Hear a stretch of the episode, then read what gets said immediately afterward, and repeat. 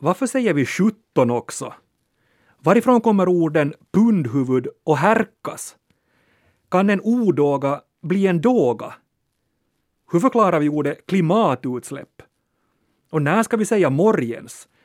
Och är något som är morgens bra eller dåligt? Ni frågar, vi svarar.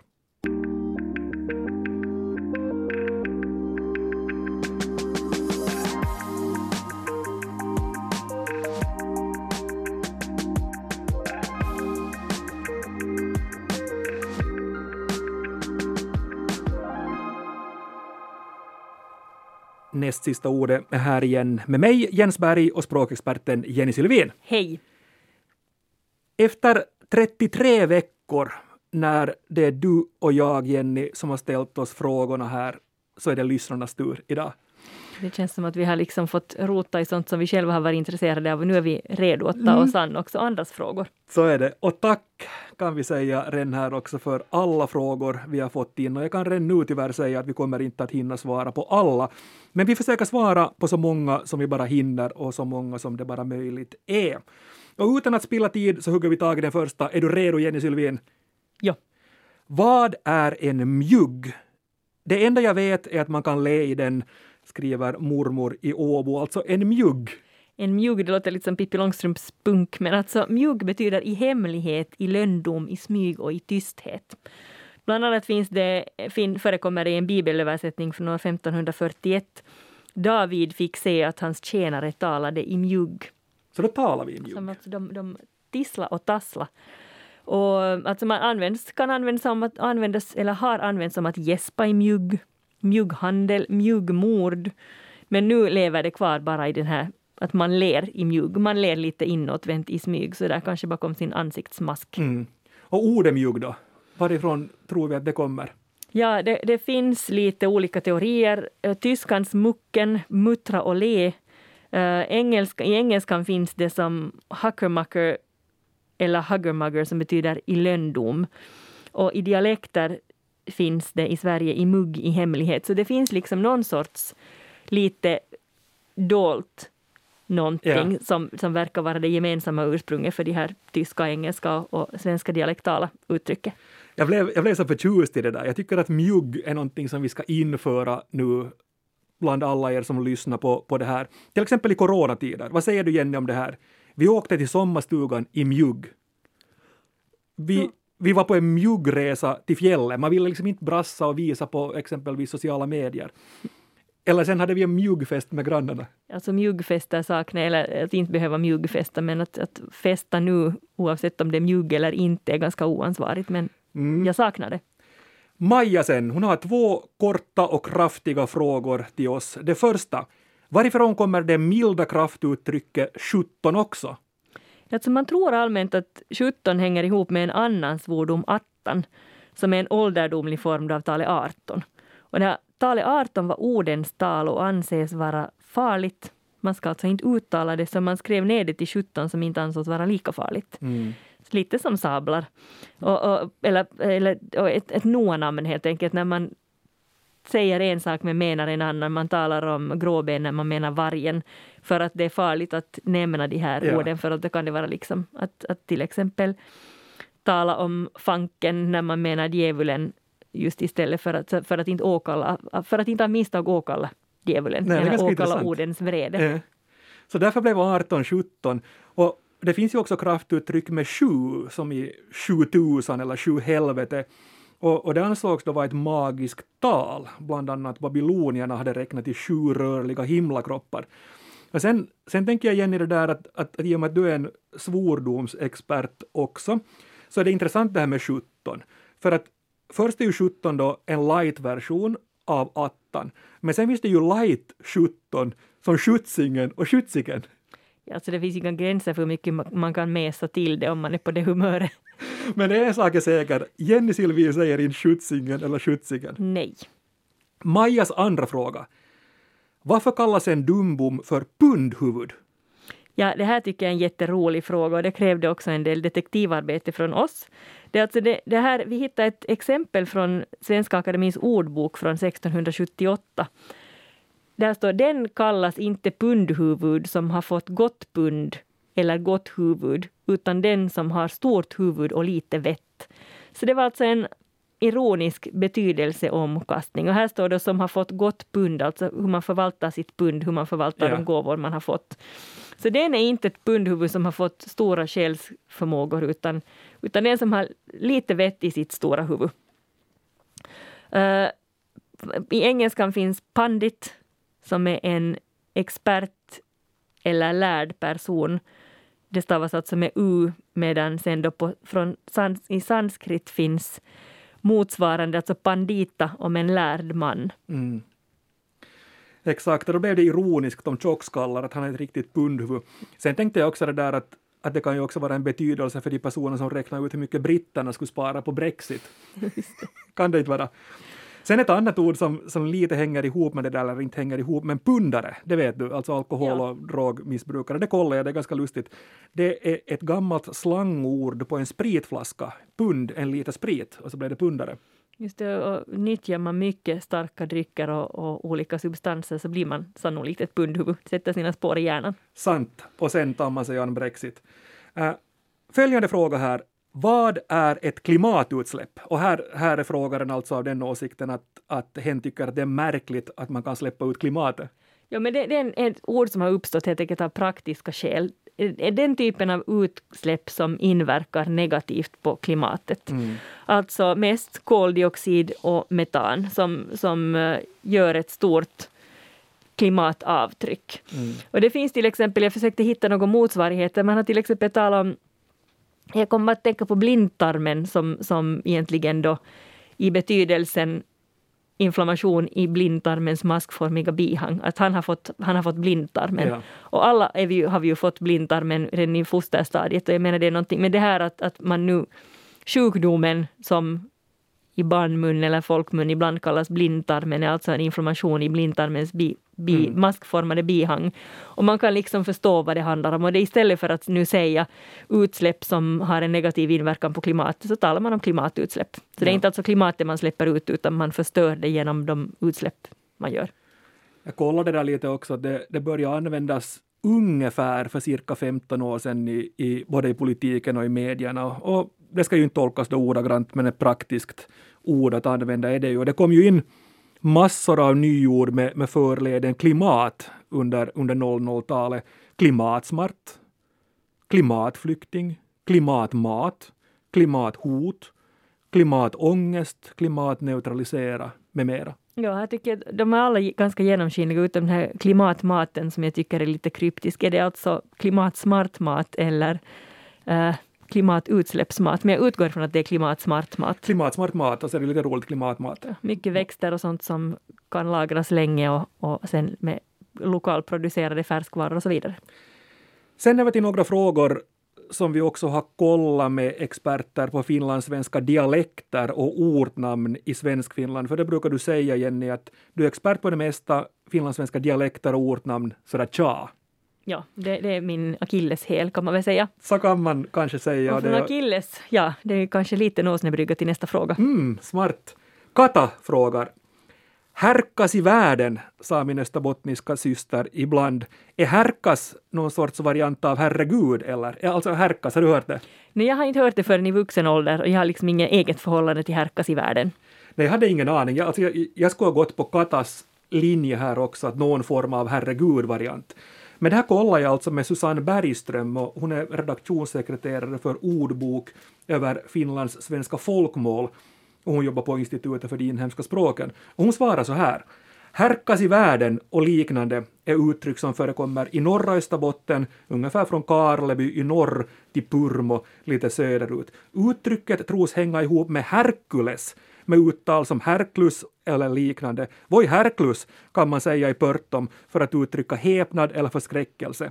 Och de här Herkules-inspirerade uh, uttalen förekommer mer söderut, från, från Vörå i norr till trakterna kring Pörtom där nära, nära Närpes. Men jag tror att det har fått sin spridning just för att det liknar herregud och därför liksom är så att säga ett, ett milt ja. kraftuttryck eller ett lindrat kraftuttryck. Herkules, eller Herakles då enligt den grekiska mytologin, var son till Zeus och Alkmena. Och Herakles namn betyder Heras ära på grekiska. Men sen i den romerska mytologin kallades han Herkules. Och Herkules var stark, avbildades ofta med klubba och lejonskinn. Han var en sån här riktig karlakar. Ja. Och ett Herkules arbete är också ett, ett arbete som kräver stora ansträngningar. Så det att man tar till Herkules när man vill komma med kraftuttryck är kanske inte så tokigt. Och det här med att jag sa att akilleshälen är en åsnebrygga till Herkules, Herakles är ju förstås den här kopplingen till den grekiska mytologin.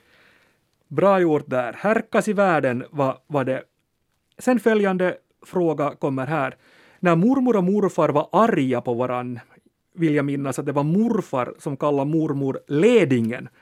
Det här var på 40-talet i Hälsinge, Vandatrakten alltså. Och varifrån härstammar ordet Ledingen? Ja, ledingen, alltså led, det handlar nu inte om lejdon, att man är utled på någonting, utan synonymer är elaking, otäcking, fuling. På franskan betyder le, led, äh, ful till exempel. Och, och leding är gammalt, det finns belägg från 1500-talet, säkert har det förekommit också före det. Uh, motsvarande finns till exempel i, i, England, i engelskan. Man anser att loathe, alltså att avsky, äcklas av, har samma ursprung. Mm. Jag blev lite nyfiken också på det här med, med ledingen och var i svensk Finland det, det används, alltså om det var någonting specifikt för Hälsinge, Vandatrakten och det här kollar jag med Susanne Bergström också. Hon svarar så här. Leding i betydelsen otäcking, otrevlig eller besvärlig person eller varelse förekommer i hela Svenskfinland. I Nagu kan leding också stå för den onde själv. Ja, fy för den lede finns ju till exempel som kraftuttryck. Ja, och sen också i, i betydelsen djävulen anför Svenska Akademins ordbok ett exempel från Topelius. Vad är detta för ledingens konster? Och sen, men jag tycker det är ganska på något sätt fint, eller, men också ganska hemskt att kalla sin, sin hustru Ledingen. Alltså, alltså det, det, det, ett, det finns en viss tyngd. Ja. Det är inte så att man kallar någon idiot eller skitstövel, utan jag tycker Leding har, har en viss, det finns en kraft i det här. Mm. Det, ska vi, det ska vi börja använda oss av. Mm. Håkan... Jag vet inte om jag skulle vilja bli kallad det. Nej, vi kan testa någon gång. Håkan frågar. Varför har finskspråkiga sin ko i dike medan svenskspråkiga har kon på isen? Ja, det är helt enkelt olika idiomatiska uttryck som betyder helt olika saker. Och, och vilka idiomatiska uttryck som finns i olika språk, så det, det är väldigt olika. Och nu när vi diskuterar den här egna kon i diket, hur vi tolkar det här uttrycket, så insåg vi att vi tolkar det ganska olika. Ja. Du får berätta om din tolkning. Alltså, jag har förstått det på det sättet att, att förr i världen, när det fanns ett dike mellan två betesmarker, så kunde det växa, växa då gräs äh, i, i, i det här diket. Och då kunde man, om man hade åkern på den ena sidan av diket, så tyckte man inte att det var så farligt om kossan var i diket och käkade av gräset som kanske hörde till grannen, må hända. Och då hade man sin egen ko i diket och då var det helt fine, för då käkade den gräs och då var det hemåt.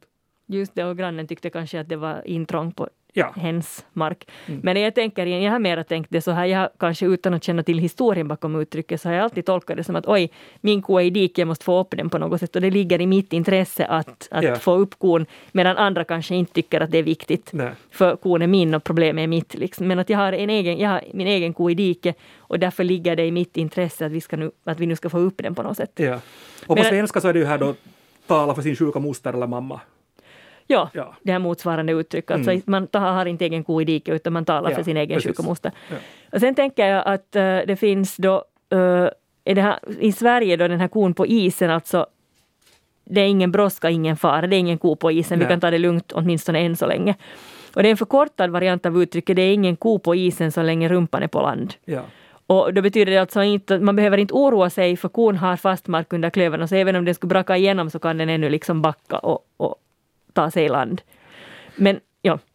Men det är intressant det här, vi har talat om kor tidigare här i näst sista ordet. Det är någonting med kor och, och, och ordspråk. Vi talade om det ganska mycket också när vi, när vi hade avsnittet som handlade om korsord. Och jag började titta på det här med, med uttryck om kossor på andra språk. Kommer du ihåg Simpsons, jag dör förstås, och Bart Simpson som, som sa ”Don't have a cow” när han menar ”lugna ner dig nu”, alltså om någon som överreagerar. Jag minns det vagt från 90-talet. Jag har nog tittat på Simpsons efter det, men det uttrycket har jag inte hört på länge, länge. Och Shaggy i Scooby-Doo sa det också, ”Don't have a cow”. Okay. Men vi har talat, jag tycker också det är intressant för, för till exempel uttrycket Eh, att ta det säkra för det osäkra. Så i Finland ser man ofta ta det säkra för det osäkra. I Sverige ser man ofta ta det säkra före det osäkra. Och det finns en liten olika tolkning av de här innebörden. Alltså jag tänker att ta det säkra före det osäkra. Så att jag har nu två alternativ. Det ena är det säkra och det andra är det osäkra. hellre väljer jag det säkra, alltså då tar man det säkra före det osäkra. Men jag tänker att om man tar det säkra för det osäkra, så jag har, liksom, jag har någonting som jag är säker på, men jag väljer att se det som osäkert, det vill säga jag väljer att vidta mm. försiktighetsåtgärder. Så jag tar det säkra för det osäkra och tar med mig paraplyet till exempel.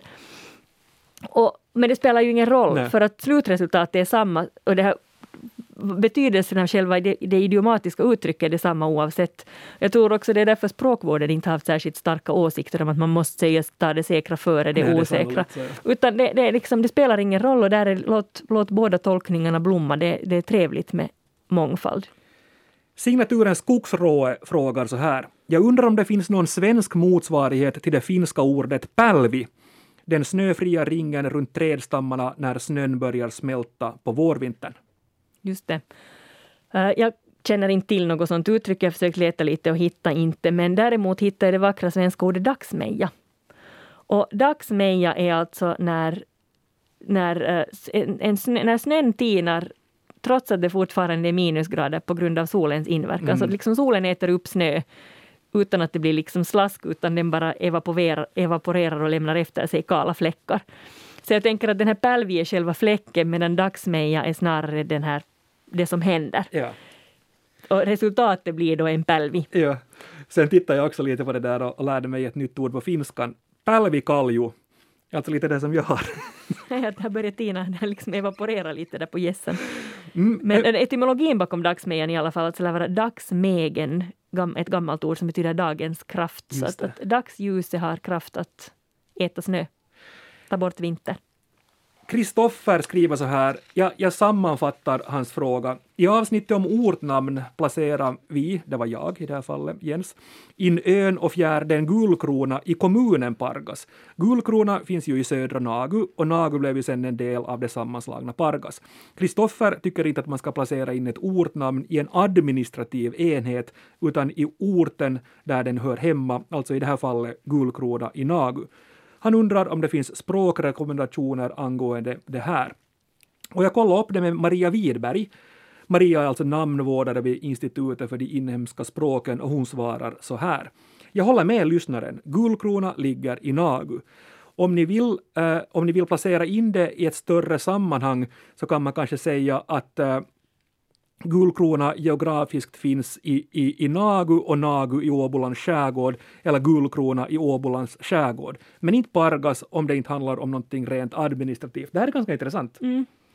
Och jag tycker det låter rimligt faktiskt. Ja. Jag tänker att, att just de här Guldkronaborna kanske inte identifierar sig med Pargasbor utan snarare just som Nagubor och åbolänningar trots att de sen hör till Pargas kommun. Ja, men det blir också intressant tänker jag att följa med den här utvecklingen för i ett annat sammanhang så var jag talade med en jordbrukare i Snappertuna, Ekenäs och då frågade jag honom var vi riktigt finns och han sa så här att hans pappa säger Snappertuna, själv säger han Ekenäs och så tror han att hans barn börjar säga Raseborg. Hallå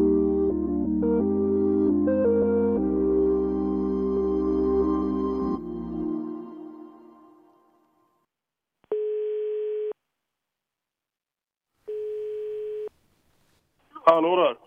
Hallå ja, är det Mikael Parkvall vi har med oss? Jo, det verkar inte bättre. Det är Jens Berg och Jenny Sylvin som ringer från näst sista ordet. Och, Hej! Och du är Mikael...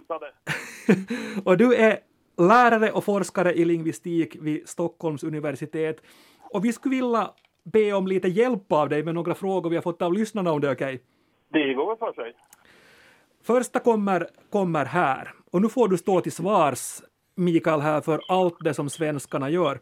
Marco skriver nämligen så här, han har lagt märke till ett fenomen som tydligen sprider sig i Sverige. Det handlar om ologiska signaler i talat språk. Man svarar med en märkvärdig ordföljd, med något negativt och positivt om vartannat. Han nämner ett exempel med en svensk expert på smittskydd som på en fråga om vikten av att låta vaccinera sig svarar så här Ja men nej absolut. Marco undrar nu Mikael varför man börjar säga, eller varför man har börjat säga nej men ja, eller ja men nej i Sverige? Vad ja, inte fan vet jag, är väl det enklaste svaret. Jag förknippar, och tror jag många med mig förknippar det där med sportspråk. Att eh, det har till och med parodierats ett antal gånger att idrottare brukar eh, göra det där. Så inte för att jag vet varför de skulle ha börjat med det, men att det möjligen skulle kunna ha spritt sig därifrån. Att, att eh, en sportjournalist frågar då ni gjorde en fantastisk prestation i, i, dagens match och så svarar idrottaren nej, det gick ju bra det här. Någonting i den Ja, det är sant. Jag har, vi fick en annan fråga från en uh, lyssnare. Det är alltså en Emils mamma skriver om sin son som var liten och gjorde bus. Och, och så hade hon kallat honom odåga. Och då hade han gråtande sagt det är jag inte alls, jag är en dåga.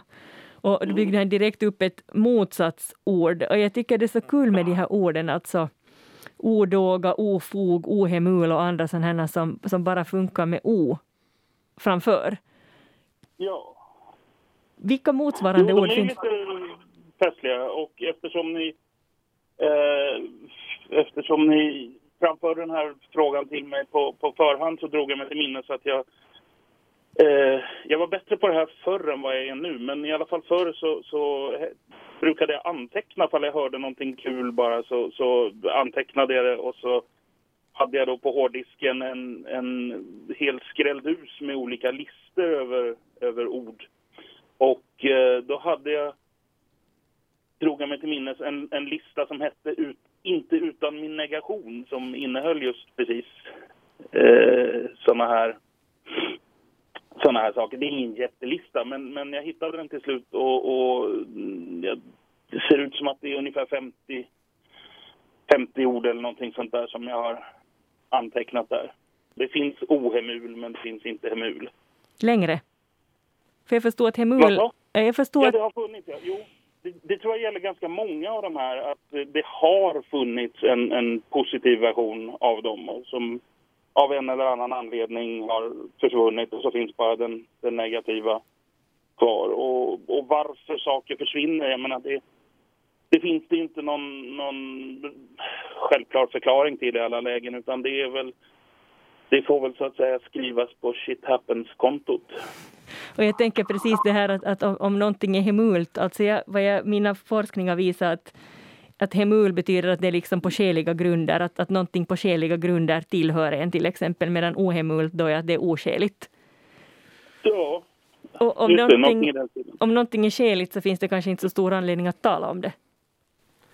Delvis är det nog så, ja, att vi, vi, vi, vi har ord för uh, what we linguists call det markerade alternativet men inte det omarkerade. Alltså vi har vi har ord för saker och ting som är anmärkningsvärda och ovanliga men inte ord för det normala. Det, det, finns ett ord för mördare men det finns inte något ord för en människa som inte tar koll på andra människor och så vidare. Så, att, så att det, det, har du nog rätt i. Det är nog en vettig mm. observation. Jag har ännu en kommentar till det, för min, min, vad jag nu kom på sådana här ord som börjar med o, så det är ju ofta ganska otrevliga saker, alltså ofog, odåga, ogin och så vidare. Stämmer det här överens med din långa lista? Mm, nu tittar jag på den här och det gör det nog. Just det, tar man bort o så blir det nog oftast... Eh, eller, eller just det, det, det är nog då, dåliga saker helt enkelt, ja. Mm. Då funderar jag, Mikael, på en sån sak. Man brukar ju tala om det täcka könet, alltså det vackra könet om kvinnor. Är alltså ja. du, är du och jag då det otäcka könet? Ja, där är där uppstår ju frågan, finns det här eller finns det inte? Därför att vi, vi skulle kanske då säga att det täcka könet finns inte. Men samtidigt så, så är mitt intryck att det här uttrycket har använts skämtsamt så pass många gånger att man nog kan ifrågasätta att ja men kanske finns det då. då. Mm. Det där är ju en, en, rolig grej och tror jag en, en ostuderad, relativt ostuderad grej i språkhistorien.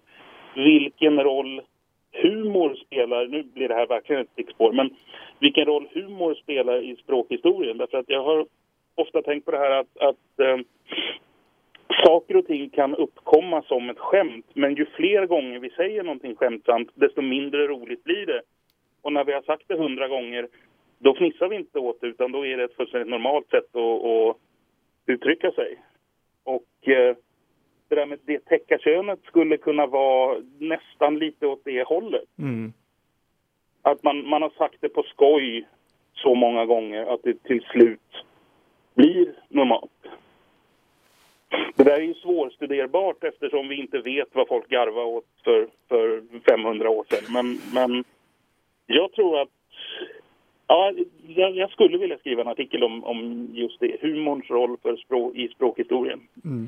Jag tycker det, det, det hejar jag på. Däremot så hejar jag inte på utveckling, utvecklingen av en indelning i täckt och otäckt kön. Det, det är en utveckling som jag inte vill understöda. Nej, Nej jag, jag till humor och jag har till en artikel av Mikael Parkvall om det. Tack! För man, ska ju, man ska ju komma ihåg i ett sånt läge att eh, när, ifall någon säger att, eh, som du just gjorde, att jag vill inte ha, jag vill inte att det här ordet ska få den här betydelsen. Då skulle ju, om nu det otäcka könet skulle bli ett fullständigt normalt sätt att, att omtala manspersoner, då skulle, det ju, då skulle ju dess betydelse ändras. Då skulle ju inte otäckt betyda otäckt längre, utan då skulle det betyda karslok. Så att eh, folk glömmer ju ofta bort det där. Att folk, man, det, det, är lätt att fastna i den historiska betydelsen, att det här verkar vara ett, ett trist och jobbigt och fult sätt att uttrycka någonting. Ja, fast om vi uttrycker någonting med det här ordet, då kommer ordet att få en annan betydelse. Mm. Just det. Sant! Tack Mikael Parkvall för att du var med oss här i näst sista ordet. Okej, okay, tack själv. Tack. Hej! Vi närmar oss slutet, men vi ska hinna med en eller två frågor ännu. Signatur En nyfiken Marjatta skriver så här. Eftersom jag är helt finskspråkig tycker jag att det är lite förvirrande varje gång ni i slutet säger morgens. När man talar finska säger man morgens eller moro när man träffar någon, alltså inte när man tar avsked. Är det enbart finlandssvenska eller är det också sverigesvenskt att använda morgens för att ta avsked? No, enligt Svenska Akademins ordbok är morgens med G då, eller morgens med J både en hälsnings och en avskedsformel. Mm. Och, um, Ja, alltså morgens har använts vardagligt både i Sverige och Finland i drygt hundra år, men det är nog inte alls någon vanlig hälsning i Sverige, men i Svenskfinland är det det. Men Marietta har nog rätt i att det sannolikt är vanligare som hälsningsfras, men inte det ovanligt som avskedsfras heller. Nej. Morgens pojkar. Äh, morgens har också använts, eller används delvis fortfarande, som någon form av uttryck för överraskning, förvåning eller häpnad. Orjens! Herre min hatt, jag lovade att jag skulle använda det i ett avsnitt på våren, nu har jag gjort det. Bra! Sista frågan som vi har fått av Helsingforsbo hänger ihop med det här, den här tycker jag är jätterolig också. Som Helsingforsbo upplever jag att någonting som är morgens är bra, eller positivt, när man rör sig öster om Helsingfors men det blir negativt eller dåligt väster om Helsingfors. Själv har jag brukat använda ordet morgens om någonting som är dumt eller idiotiskt. Är jag månne helt ute och cyklar? Frågar Helsingforsbo av oss. Jag tror att det kan ligga någonting i det. Jag själv rör mig oftare i österled. Där kan, om någonting är riktigt morgens så då är det nog bra. Ja. Medan jag nog har hört också uttrycket ja morgen så då är det liksom dåligt. Ja. Nej, för jag, jag tänker, i och för sig bor jag också väster om väster om Helsingfors nu och jag, jag tolkar det mera som Helsingforsbo skriver att, att när man säger morgens så då är någonting som är liksom, det är tack och godnatt. Det här var nog inte så morgens. Nå, morgens ändå. Nu stannar bilen. Så att kanske lite på samma sätt som vi använder pundhuvud. Det. Ja, man får ta tonfallet till hjälp för att tolka det. Men du, säger, du, det sa du, men du sa ju med det här att det var nu inte så morgens. Och då, mm. hade ju alltså, mm. då betyder det ju att någonting är morgens, att det är bra. Ja. Du får säga det så här, det var nog morgens. Då är det tack och godnatt. Det var nog morgens, tycker jag fortfarande det var nog morgens, låter glatt och trevligt. Men, men inte med ditt tonfall, det, det har du rätt i. Så vi får helt enkelt tolka rösten. Vi får göra det. Det här var sista frågan vi hann med. Gå in förresten också på svenska.yle.fi. Där finns en artikel med era frågor och våra svar. Och tack ännu för alla frågor. Jag tänker vi skulle kunna göra det här någon gång på nytt, det var så skoj. Ja, låt frågorna komma. Men nu, för den här gången, säger Jenny och Jens morgens. morgens.